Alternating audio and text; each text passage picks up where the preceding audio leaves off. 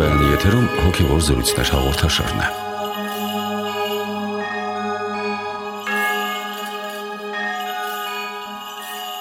Ողջույն սիրելի ունկնդիրներ։ Կիրակնորյա ուսուցման շուրջ զրուցում ենք Երևան քաղաքում հայ եկեղեցու պատմության առարկայի համակարգող Սուրբ Երորդություն եկեղեցու կրթական բաժնի ղեկավար Քրիստինե Ղազարյանի հետ։ Շնորհակալ եմ, որ ընդունեցիք մեր հրավերը։ Ձեզ նույնպես շնորհակալ եմ, բարեշնորհ Սարգսակ, ողջունում եմ բոլորիդ։ Կիրակնորյա ուսուցում ասելով եկեք ընդհանրացնենք հասկանալով ցանկացած ուսուցում եկեղեցու հարկի ներքո եւ հայրենիքում եւ սփյուռքում եկեղեցիներինքից գործում են շաբաթօրյա, կիրակնորյա դպրոցներ, ամենօրյա վարժարաններ, օրինակ Պոլսի կենտրոնական վարժարանը Սուրբ Գրիգոր Լուսավորիչ եկեղեցունքից, որտեղ աշակերտները եկեղեցու դռնով են մուտք գործում վարժարան, ինչը շատ գեղեցիկ ու խորհրդանշական է։ Եկեղեցու հովանու ներքո գործող այս կառույցները Մեսրոպ Մաշտոցի կողմից հիմնադրված դպրոցների օրինակով դարեր շարունակ եւ հոգեվոր եւ ազգային կրթություն են ապարգևել հայ ժողովրդին։ Խնդրում եմ ընդհանուր գծերով ներկայացնեք այն հոգեվոր կրթական գործընթացները, որոնք ընթանում են եկեղեցում։ Այո, ճիշտ նշեցիք, Մեսրոպ Մաշտոցի կողմից է հիմնադրված։ Որտեղ որ աշխարհի ցակերում կան հայեր, այնտեղ ստեղծել են եկեղեցիներ եւ եկեղեցու շուրջ հիմնել են դպրոցներ։ Հայի համար ամենակարևորագույն կետը հայ մնալու, հայապահպան լինելու համար դա կրթությունն է։ Այսօր Երևանում յուրաքանչյուր եկեղեցունքից արդեն կան կրթական օջախներ։ Մենք անվանում ենք Կիրակնորյա դպրոցներ, որտեղ երեխան ոչ միայն կրթվում է հոգևոր առումով, այլ նաև կրթվում է որպես մարդ, որպես անձ եւ որպես ճշմարիտ քրիստոնյա։ Այն իր մեջ ներառում եմ ամեն ճյուղ մարդուն զարգացնելու, մարդ ստեղծելու համար։ Քանի որ մարդը երկու էություն ունի, արտաքինը եւ ներքինը, ապա մեր եկեղեցին դարեր շարունակ զբաղվել է մարդու ներքին մարդը ձևավորելուն եւ դա տեղի ունենում կրթական մեր օջախներում կրթօջախները համալրում է ոչ միայն հոգևոր դասընթացներ, այլ նաև նրանցից կան խմբակներ։ Հոգևոր կրթությունը շատ բարձր մակարդակի վրա է, ինչու, որովհետև տարիներ շարունակ երեխաները այնտեղ սովորում են ըստ գրքերի։ Դրան զուգահեռ նաև երեխաները ձեռքի աշխատանքներ են կատարում, սովորում են արվեստ, սովորում են արհեստ, այսինքն երեխան մոտենում է նաև մշակույթին, որը շատ կարևոր է այսօր։ Երեխաներից շատ շատերը մեր նաև դառնում են հիմնավոր եկեղեցու անդամներ։ Այսինքն մենք երեխային ուղղորդում ենք եկեղեցու ճանապարհը, դառնալու ճշմարիտ հավատացյալներ։ Եկեղեցում նաև կազմակերպվում են միջոցառումներ, որին մասնակցում են նաև ծնողները, ինչպես նաև հավատացյալները։ Շատ մեծ նշանակություն ունի ծնողի կապը եկեղեցու հետ ինչպես նաև տեղի ունենում այցեր մյուս եկեղեցիները, մարզերը մյուս, դրանք ուխտագնացություններն են։ Նպատակը հետեւյալն է նաև. երեխան երբ ուխտի է գնում, ձևավորվում է որպես մարդ։ Մենք խոսք ունենք, չէ, եթե ուզում ես մարդուն ճանաչել կամ ճանապարհ գնա հետը կամ հացդ կիսիր այդ մարդու հետ։ Այսինքն երեխայի ամբողջ ներաշխարը ցուցադրվում է այդ ժամանակ եւ դու կարողանում ես հետագայում նաեւ աշխատել այդ երեխայի թերությունների եւ առավելությունների հետ։ Ասում ենք ուսուցում եկեղեցու հարկի ներքո։ Հետաքրքրական է, որ Սուրբ Երորդություն եկեղեցում բառացիորեն այդպես է, մեծ սրահ եւ դասասենյակներ են գտնվում եկեղեցու ստորին հարկում, Եկեղեցու խոշոր աստվածաբաններից մեկն ասել է, որ աստվածաբանությունը պետք է ուսումնասիրել եկեղեցու զանգերի ղողանջի ներքո։ Այսինքն այն չի կարող կենթանի լինել եկեղեցուց կտրված միջավայրում։ Նույն օրինակով էլ հոգևոր կրթությունը եկեղեցում անբաժան է եկեղեցական կյանքից, պատարակներից ու ժամերգություններից, քարոզխոսություններից, այսինքն իր հոգևոր ակունքից։ Զանգը խորհրդանշում է կանչ, Այսինքն յուրաքանչյուր անznավորության կանչանում դեպի Աստված։ Դա եկեղեցու ամենակարևոր գործոններից մեկն է։ Եվ ճիշտ նշեցիք նաև, որ Երևան քաղաքում կա մի եկեղեցի, Սուրբ Երորդություն եկեղեցին է, որը ամենագեղեցիկն է ըստ իս, որովհետև այնտեղ իմ հոգևոր բնորանն է, եւ ամենալավագույն հարմարությունները այդ եկեղեցում են։ Այո, ներքնահարկում կամ հսկայական մի տարածք, որտեղ երբ երեխան կամ ծնողը ոդք է դնում, հասկանում է, որ այստեղ մի այլ աշխարհ է, որտեղ երեխան կարող է հանդիպել իր հոգևոր ծնողին Աստծուն։ Այդ եկեղեցին միակն է ամբողջ Երևան քաղաքում, որ դասասենյակները շատ են, ինչպես դպրոցը, այդպես էլ այդ հոգևոր դպրոցը երեխան կարող է հաճախել թե 6 տարեկանից եւ թե 16 տարեկանից սահմանափակում չկա, բայց կա դասավորվածություն։ Այսինքն յուրաքանչյուր երեխա ըստ իր տարիքի կարող է ուսանել տվյալ դեպքում։ Ունենք ուսուցիչներ, եւ մեր ուսուցիչները սիրով են կատարում իրենց գործը։ Ես միշտ ասել եմ ու կասեմ. մեր եկեղեցու հոգևոր ուսուցչուհիները բոլորը նվիրյալներ են։ Իրենց գործի նվիրված սիրով, ամբողջ հոգով ու սրտով կարողանում են իրենց գիտելիքը դնել երեխայի մեջ եւ սովորելով ու սովորեցնելով իրենց աշակերտներին։ Յուրաքանչյուր դաս սկսում ենք աղոթքով եւ ավարտում ենք աղոթքով։ Ներսես շնորհալու աղոթքն է հնչում պարտադիր։ Պարտադիր հնչում է տերունական աղոթքը եւ ըստ տարիքային յուրաքանչյուր տարիք, յուրաքանչյուր դասարան ունի իր աղոթքների շարանը։ Երեխաները բացի ուսանելուց նաև մասնակցում են պատարակներին։ Պատարակներին մասնակցում են անձամբ, դառնում են փոքրիկ դպիրներ, օգնականներ հոգևորականների համար։ Դա օրինակ է, մեծագույն օրինակ, որ հավատացյալը նկատելով երեխաների այդ մաքուր մոտեցումը առաստված, իրենց սրտերը փլվում է, իրենց սրտերը բացվում է առաստված։ Եվ Սուրբ Գիրքը հենց այնպես չի, որ ասում է. նմանվեք երեխաներին Ինչու, որովհետև երեխայի մեջ է པարզությունն ու մաքրությունը եւ ամբողջ սերը, որ դրվում է տվյալ պահին։ Դա մեծագույն օրինակ է ինձ թվում է մեծերի համար։ Հոգևորականների եւ աշխարհիկ ուսուցիչների դերի բաշխում կա Կիրակնորիա դպրոցում բնականաբար առաջնորդող դերակատարությունը տրվում է հոգևորականներին, տվյալ եկեղեցու հոգևոր հովիվներին, բայց շատ մեծ նախապատրաստական աշխատանք կատարում են աշխարհիկ ուսուցիչները պատրաստում են երեխաներին տալով նրանց հոգևոր գիտելիքներ, որով նրանք կարող են մուտք գործել արդեն ավելի հասուն հոգևոր կյանք եւ հանձնում են բնականաբար այդ պատրաստված երեխաներին հոգևորականներին։ Գիտենք, որ կազմակերպվում են հետո մկրտություններ չմկրտված երեխաների, նրանց հոգևոր խնամքը, ուխտագնահությունների առաջնորդելը, հոգևոր ու մշակութային հանդեսների կազմակերպումը, այս ամենը կատարում եք դուք։ Դուք դնում եք հիմքերը այդ հոգևոր կրթության, որ เป զի նրանք արդեն կարողանան հետո դիմել հոգևորականների առաջնորդությանը։ Ես 3 հենց ընթերցում էի 12 մեծագույն բարթապետներից մեկի, Բարսեղ կեսարացու նյութերից մեկը, որը խոսում էր ներքին աշխարհի մասին այսօր մոռացված է։ Ներքին աշխարհը ես գտնում եմ, որ մարդու խիղճն է։ Իսկ խիղճը պիտի անպայման լեցվի լավ գործերով, լավ խոսքով, աղոթքով, հոգևոր խոսքով, որը տվել է մեր հոգևոր հայրը։ Այսօր մոռացության է մատնվել աշխարհիկ ուսուցիչների կողմից, ոչ բոլորի։ Հրաշալի ուսուցիչներ ունենք, որ երախաների մեջ սերմանում են ոչ միայն արտաքին աշխարհի պահանջված գիտելիքներ, բայց դրան զուգահեռ նաև հոգևոր մարդ են կերտում։ Դրանք բայց ցավոք սրտի շատ քիչ են։ Բայց մարդը, երեխան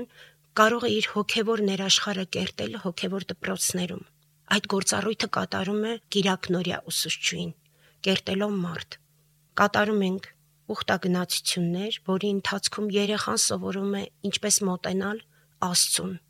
դա սովորական դպրոցական միջոցառումներ կամ դպրոցներում երեխաներին տանում են էքսկուրսիաների, վերջում ավարտվում է ուտել խմելով։ Հոգևոր ճանապարհ քայլելը դա լրիվ ուրիշ աշխարհ է։ Երեխան պիտի աղոթքով քայլի այդ ճանապարհը։ Երեխան պիտի խնդրանքով քայլի։ Երեխան պիտի ուխտ ունենա, այսինքն նպատակ ունենա, որովհետև ինքը գնում է դեպի Աստծուն։ Լրիվ այլ աշխարհ է հոգևոր աշխարհը Ցավոք սրտի այսօր այն վեր են ածում թատրոնի, փոխում են, վերափոխում են։ Իսկ մեր հոգևոր ուսուցիչները դրանք զանգակի նման արտնացնող էակներ են։ Ինչպես է եկեղեցու զանգը անընդհատ արտնացնում մարդուն։ Նույնը հոգևոր ուսուցչուհին է արտնացնում է մարդու հոգևոր աշխարհը։ Գիտես Աստված գոյություն ունի։ Գիտես, մարդը խիղճ ունի։ Գիտես, դու ստեղծված ես ոչ թե միայն վայելելու, ապրելու այս աշխարհը, այլ նաև հոգևորը գոյություն ունի, գոյություն ունի հավիտենականությունը, եւ այս կյանքը տրված է, որպիսի մարդը մտածի դրա մասին, ոչ թե աչքաթողանի։ Ցավոք սրտի այսօր շատ շատերը աչքաթող են արել այդ գլխավոր նպատակը, որին Աստված ուղղորդել է եւ ստեղծել է նպատակային մարդուն, հենց հավիտենություն մտնելու համար։ Երբ երեխաները գալիս են Կիրակնորիա դպրոցներ, հարց գծակի մարդկանց մեջ հետո, չէ որ մարդը մեծանում է։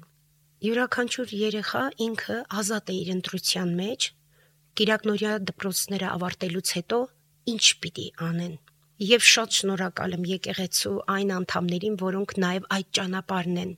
հարթել երեխային ուղղորդելով երիտասարդաց միություն։ Այսինքն, երբ մեծանում է երեխա վիճակից դառնում է երիտասարդ, ինքը ունի նորից հոգևոր մի աշխարհ, միություն, որտեղ ինքը կարող է իր գործունեությունը ծավալել, արդեն ավելի բարձր մակարդակով, ավելի գիտակից մակարդակով, այն խոսքը, որ փոքր տարիքում ինքը ուսանել է, պատրաստ է այլևս գործի վերածելու։ Դա շատ կարևոր է, որովհետև միայն խոսելով հոգևոր չես կարող լինել, անպայման գործերով պիտի դառնաս քրիստոնյա։ Եվ դա կատարվում է ձեր ու հոգևորականի համագործակցության համատեղ աշխատանքով եւ դուք տարիներ շարունակ պատրաստելով երեխաներին հանձնում եք արդեն հոգևոր հովին, ով արդեն ավելի հասուն զրույցներ է վարում նրանց հետ։ Շատ հետաքրքիր էր, որ նշեցիք Կիրակնորիա դպրոցում տարիքային խմբերի բաժանման մասին, հետո արդեն ավելի հասուն տարիքում երիտասարդաց միությանը եկեղեցու անդամագրվելու շուրջ։ Փաստորեն ստացվում է, որ երեխաների Մամնավոր հասունացումը տեղի է ունենում հոգևոր հասունացմանը զուգահեռ։ Մենք կրթում ենք հասուն եւ գիտակից քրիստոնյաներ եւ նրանց բնականորեն ներառում եկեղեցու համայնքային կյանքում։ Հետաքրքիր է դուք էլ գիտեք վստահաբար այդպիսի դեպքեր, երբ տասնամյակներ առաջ Կիրակնորիա դպրոցների հիմնումից ի վեր այնտեղ այցելած մարդիկ արդեն սերնդափոխություն է տեղի ունեցել եւ արդեն նրանց զավակներն են հաճախում Կիրակնորիա դպրոց։ Եկեղեցի մի օր չի, 10 օրվա չի կամ 1 տարվա չի, 10 տարվա չի։ Մեր հայ առաքելական եկեղեցին դարերի պատմություն ունի եւ այնտեղ սերունդներ են բազմապիսի կրթվել։ Ես միշտ իմ աշակերտներին ասում եմ, պատկերացնում եք, ինչքան հայ մարդիկ են աղոթել։ Այդ աղոթքը կպած է պատերին։ Նույնն էլ սերունդն է Եթե տատը պապը հաճախել են եկեղեցի, բնական է այդ հավատքով մարդը կուղորթի նաև իր երեխային։ Եվ բնական է, երբ որ ծնողը ուղղորդում է այլևս իր երեխային։ Շնորհակալություն եմ հայտնում Աստծուն, որ ինձ ուղղորդելով դառնալ ուսուցիչ, ես իմ երեխաներին ուղղորդում եմ կրկին դառնալ ուսուցիչ։ Ինչու, որովհետև դա սերնդից սերունդ պիտի փոխանցվի Եթե կանգ առնի, ապա ինձ թվում է կանգ առնի նաև մարդկային կյանքը։ Հոգևոր ու մարմնական կրթությունը շատ կարևոր է։ Դա պիտի չաղճատենք իրարից, եթե աղճատենք չի լինի, ծայրահեղություն կլինի։ Երկուսը ձերք-ձերք բռնած պիտի առաջ գնան։ Ոչ մեկը պիտի բարձրուցածր չլինի եւ այդ ամբողջը համենվում է հոգեվորականի կողմից։ Ամեն դասընթացին մեր հոգևոր այրերը այցելում են երեխաներին, օրտում են երեխաներին եւ իրենց հայրական խորուրդից բացի ձեռք են մեկնում օգնություն։ Ոնց կարող ենք այնպես անել, որ երեխան ճիշտ կրթվի, որ ընտանիքը սիրո մեջ լինի, երեխան հայեցի մեծանա, երեխան քրիստոնյա մեծանա։ Եվ այդ ամբողջը համենվում է հոգեվորականի ուշադրությամբ եւ սիրով։ Շնորհակալ եմ ես ունենալով մեր կողքին հրաշալի հոգեվորականներ, որոնք ոչ միայն իրենց գիտելիքն են ներդնում, այլ իրենց ամբողջ նպատակը երեխաներին հայեցի եւ հոգեվոր մեծացնելու վրա են օգտագործում։ Ծնողներ կան, որոնք որ իրենց բացն են ուզում լրացնել։ Այո, մենք բոլորս գիտենք, որ մենք մի սերունդից ենք կոմունիստական ժամանակաշրջանում ապրած, որտեղ արգելված է եղել հոգեվորին մոտենալը։ Եվ այդ ծնողները այդ բացը այսօր փորձում են լրացնել իրենց զավակներով, դա շատ կարևոր է։ Այսինքն այդ մարդիկ ապրելով լավ կյանքով հասկացել են, որ ինչ որ մի բաց թողում են ունեցել հոգին չի լցվել եւ այսօր իրենց երեխաներին ուղղորդում են դեպի հոգեվոր աշխարհ, դեպի հոգեվորը, հոգեվորականը եկեղեցին, դեպի Աստված, որը շատ ողջունելի է, բայց ցավոք սրտի ոչ բոլոր ծնողներն են դա հասկանում։ Բայց ունենք նաև մեր շարքերում այնպիսի ծնողներ, որոնք միշտ մոտ են եղել Աստծուն եւ նորից ուղղորդում են իրենց զավակներին դեպի Աստված։ Համակարգելով հայ եկեղեցու պատմության ուսուցման աշխատանքները, դասալսելով այլ ուսուցիչների հոգևոր եւ ազգային կրթության դասերը, դուք նաև բնականաբար գիտակցում եք, որ կան մանկավարժական եւ հոգեվոր ձիրքեր պահանջվող մանկավարժից եւ անհրաժեշտ որակներ կան դրա համար։ Գիտեմ, որ անձնական սերտ կապեր հաստատելու մանկավարժական ուղով եք առաջնորդվում տարիների մտերմություն հաստատելով ձեր սաների հետ եւ դա շատ արդյունավետ աշխատող գործիք է։ Կիրակնորիա դպրոցի ուսուցիչը պետք է նաև մտերիմ ընկեր դառնա երեխաներին հոգևոր կրթության ճանապարհին, որ เป զի հենց իր անձով էլ, ինչպես Արաքյալն է ասում, մարդկանց շահի երկնքի արքայության համար։ Երբ որ դու մտնում ես դպրոց որպես վերահսկող մարդ, անպայման պիտի շեշտը դնես օգնության վրա։ Այսօր բոլորը բողոքում են բոլորից, անընդհատ դատապետում, դատապարտում են, քար են նետում, բայց ես այն անձանցից եմ, որ մտնում եմ դպրոց օգնության կարգով, ինչով օգնեմ ուսուցչին։ Ինչ բաց թողում կա, որ կարելի է լրացնել, որովհետև նրա պատիվը իմ պատիվն է, նրա անկումը իմ անկումն է, նրա բարձրացումը իմ բարձրացումն է։ Եթե տվյալ ուսուցիչը լավ է իրեն դրսևորում, ես ուրախ եմ լինում միայն եւ ողջունում եմ Իսկ ցավոք սրտի այսօր մեր շարքերում կան այնպիսի ուսուցիչներ, թույլ տվեք այսպես արտահայտվել, որ իրավունք չունեն այս առարկայի շուրջ դասավանդելու, որովհետև նրանք դեռ կրթվելու շատ ճանապարհ ունեն։ Բայց ունենք նաև այնպիսի հրաշալի վերապատրաստված ուսուցիչներ, հավատավոր, որոնք իրոք խորքային արժեք են փոխանցում երեխաներին, թե ներդնելով իրենց գիտելիքները, թե նաև հոգևոր գիտելիքները իսկ երեխաների սերտ կապը որպես հոգևոր ուսուցչուհի, Կիրակնորյա ուսուցչուհի։ Ես շնորհակալ եմ եւ ողջունում եմ այն ծնողներին, ովքեր իրենց երեխայի ձեռքը բռնած ճշմարիտ ճանապարհի վրա են դնում, բերելով Կիրակնորյա դպրոց կրթություն ստանալու համար, հոգևոր կրթություն։ Այդ երեխաներին ամենաառաջնայինը պիտի տրվի սեր։ Չէ որ ամենակարևորը հույս, հավատք, սեր ասում եմ մնայունը սերն է, ամենակարևորը սերն է։ Երբ երեխային սիրում ես, երեխան սկսում է քեզ վստահել։ Երբ երեխան քեզ վստահում է, արդեն կարող ես նրան ուսուցանել։ Սրանք շղթայված են իրար, եւ պիտի ճիշտ վարվես այս ճանապարհի հետ։ Իսկ ինչ վերաբերում է ծնողին, իմ գաղտնիքներից մեկը ծնողի հետ կապ հաստատելն է։ Դա յուրաքանչյուր ուսուցիչ այդպես պիտի անի։ Ես դա սովորել եմ մեծագույն վարդապետից Հիսուս Քրիստոսից, այնուհետև մեր հոգևոր այրերից։ Նրանք գիտեն իրենց յուրաքանչյուր այցելուի հավատացյալի ընտանիքը, ընտանիքի խնդիրները, ընտանիքի առավելությունները, որովհետև նրանք ուղղորդված են ընտանիքները համախմբելու, բերելու դեպի Քրիստոսի շուրջ։ Նույնը հոգևոր ուսուցչուհին է անում։ Ես սերտ կապեր ունեմ ծնողների հետ Ես սիրում եմ իմանալ նրանք այսօր ինչպես են իրենց զգում։ Այո, շատ շատերը կիսվում են իրենց ընտանեկան հաջողությունների, ինչպես նաև անկումների մասին։ Իսկ ինչի համար է միայն ուսուցիչը, միայն ուսուցանելու, ոչ ուսուցիչը առաջնահերթ պիտի լինի սիրելու, աջակցելու համար, մարդ կերտելու համար, այնուհետև ուսուցանելու համար։ Ոստի ես հաջողված եմ համարում իմ 28 տարվա աշխատանքը, որովհետև իմ մոտ շատ լավ ստացվում է ծնող երեխա եկեղեցի այդ համախմբումը։ Փառք Տիրոջը դրա համար։ Անդրադառնանք նաև ուսուցչի վերապատրաստման խնդիրներին, որովհետև հոգևոր դաստիարակություն իրականացնող մանկավարժները մշտապես պետք է թարմացնեն իրենց գիտելիքները, ընթերցեն հոգևոր գրականություն, դասավանդման նյութեր, մանավանդ Մայրաթոր Սուրբ Էջմիածնի քրիստոնեական դաստիարակության կենտրոնը տրամադրում է եւ դասագրքեր եւ հավելյալ կրթական նյութեր եւ հոգևոր գիտելիքի անբարումը բնականաբար տեղի ունենում նաեւ եկեղեցական կյանքին մասնակցելիս։ Ինչ աղբյուրներ ունեք դուք ինքներդ ձեզ եւ մյուս մանկավարժներին օժանդակելու եւ նոր լիցքեր հաղորդելու համար ուսուցչի վերապատրաստումը շատ անհրաժեշտ բան է։ Դա միայն ուսուցչին չի վերաբերում, յուրաքանչյուր մարդ պիտի նայի իր ներաշխարը եւ վերապատրաստի։ Եվ դա այնպիսի գործընթաց է, որ ամբողջ կյանքիդ համար է հատուկ ժամանակ տրամադրել, ասել, որ պիտի 30 տարեկանում վերապատրաստվես կամ 5 տարի հետո պիտի վերապատրաստվես, մարդը պիտի ամեն օր վերապատրաստվի։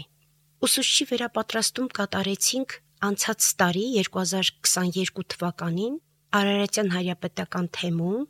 մեր սիրելի սրբազանի օրտնությամբ, ինչպես նաև ԿԴԿ տնորեն Հասմիկ Նալբանդյանի աջակցությամբ, առաջնորդությամբ, կազմակերպությամբ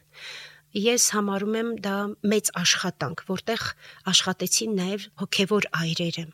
իրենց գիտելիքները կիսելով ուսուցիչների հետ, բայց դա պիտի շարունակական լինի։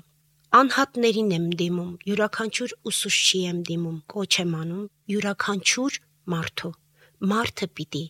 կրթվի, վերադաստիարակվի, վերանայի իր կյանքը ամեն օր։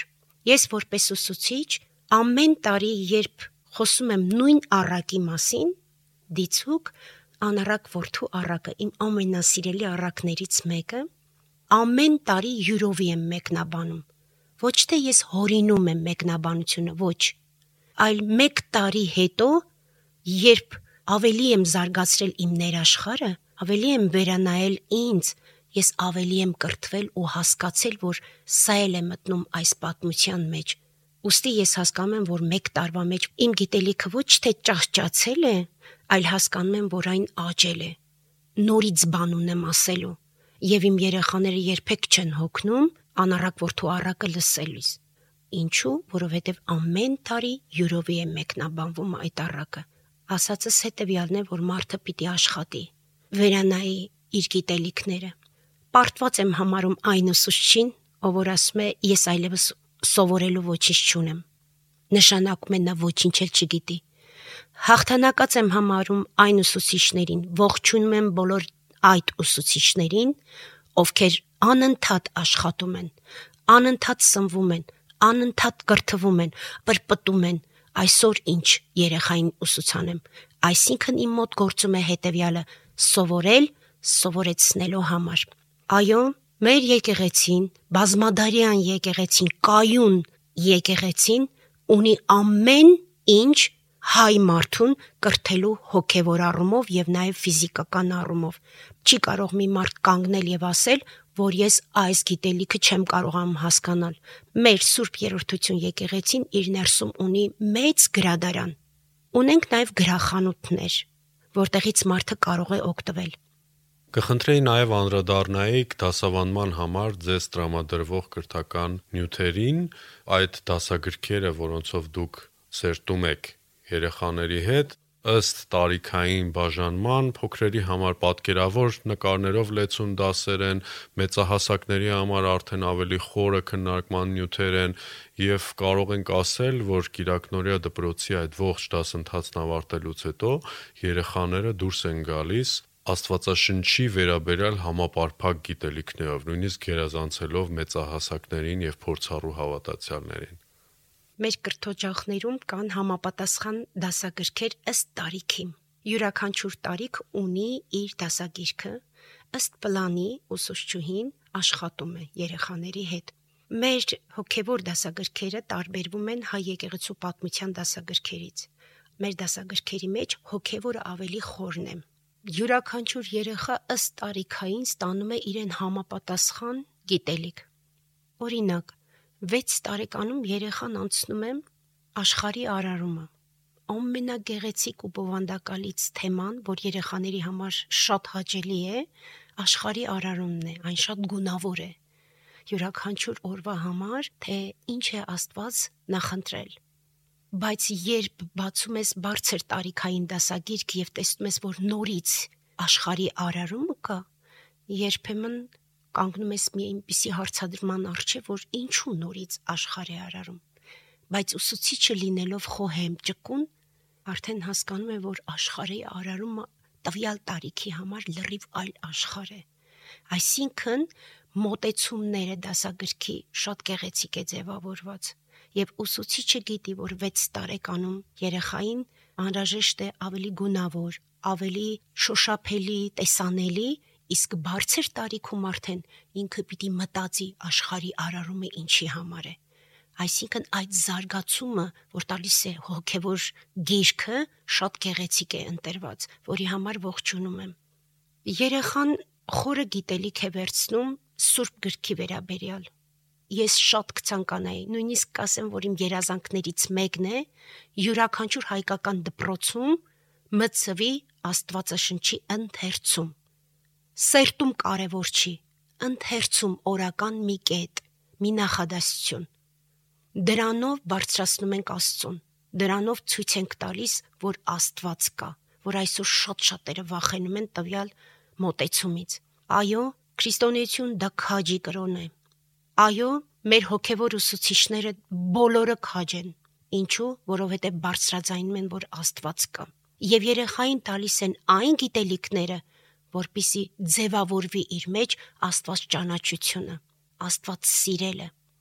Եվ ոչ միայն, երբ երեխան սովորում է այդ ամբողջը վերցնում է ըստ իր կարողության,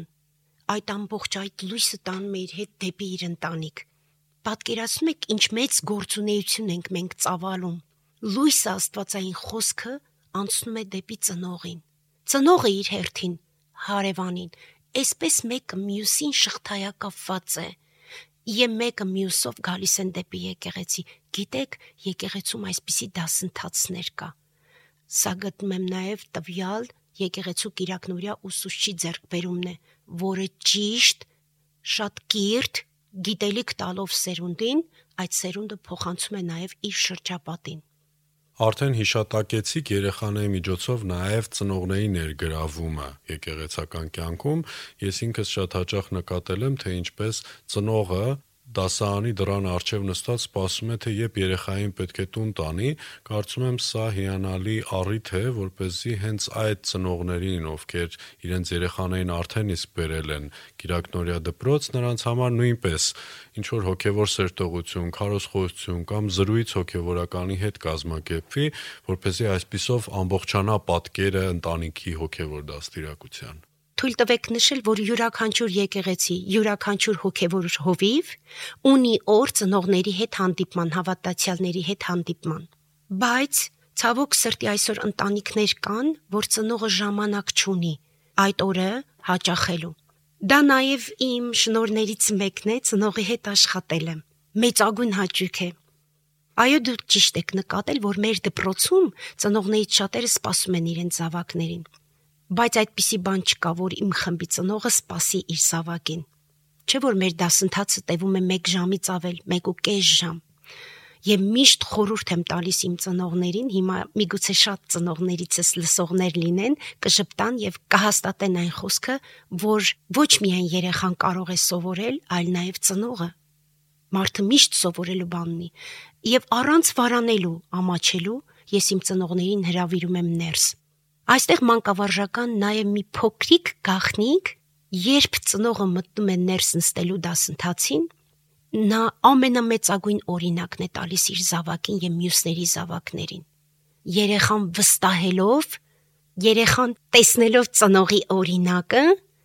այլևս չի կտրվում եկեղեցուց։ Տեսեք, իմ մայրիկը կամ հայրիկը գալիս են եկեղեցի, ես էլ պիտի գամ։ Շատ կարևոր է դա ծնողին ներքաշել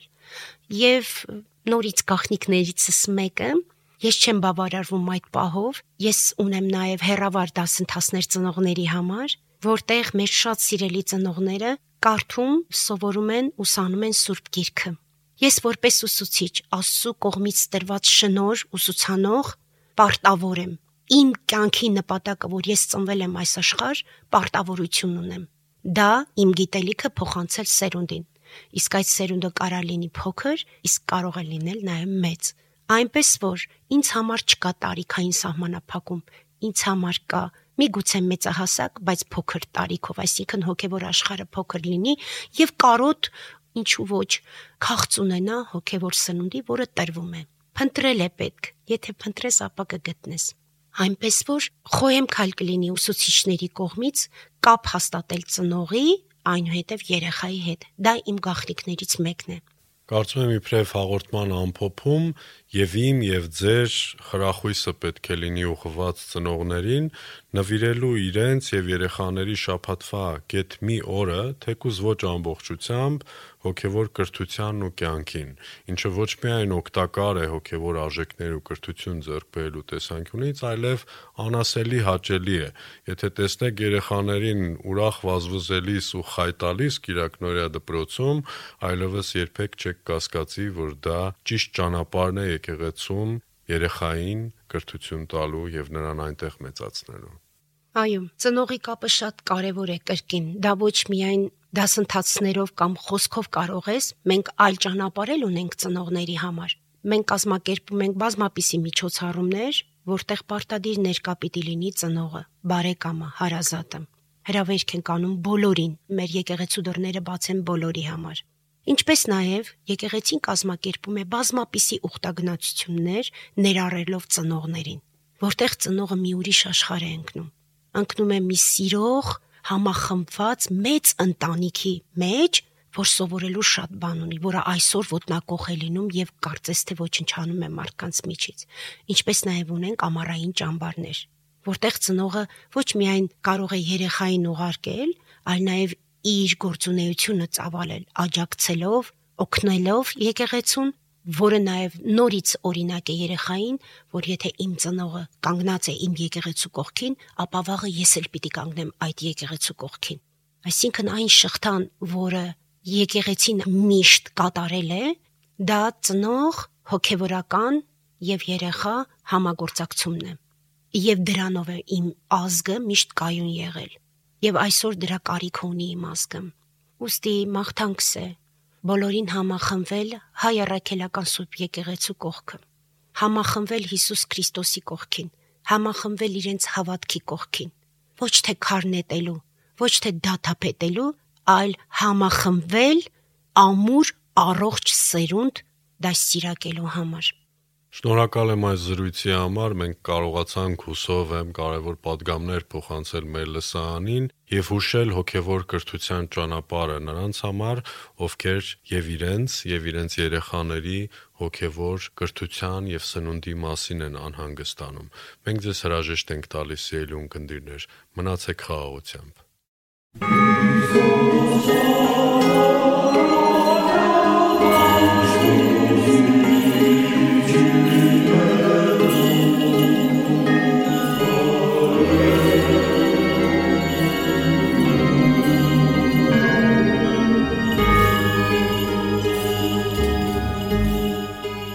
Վեմ ռադիոկայանի եթերում հոգևոր զրույցներ հաղորդաշարներ։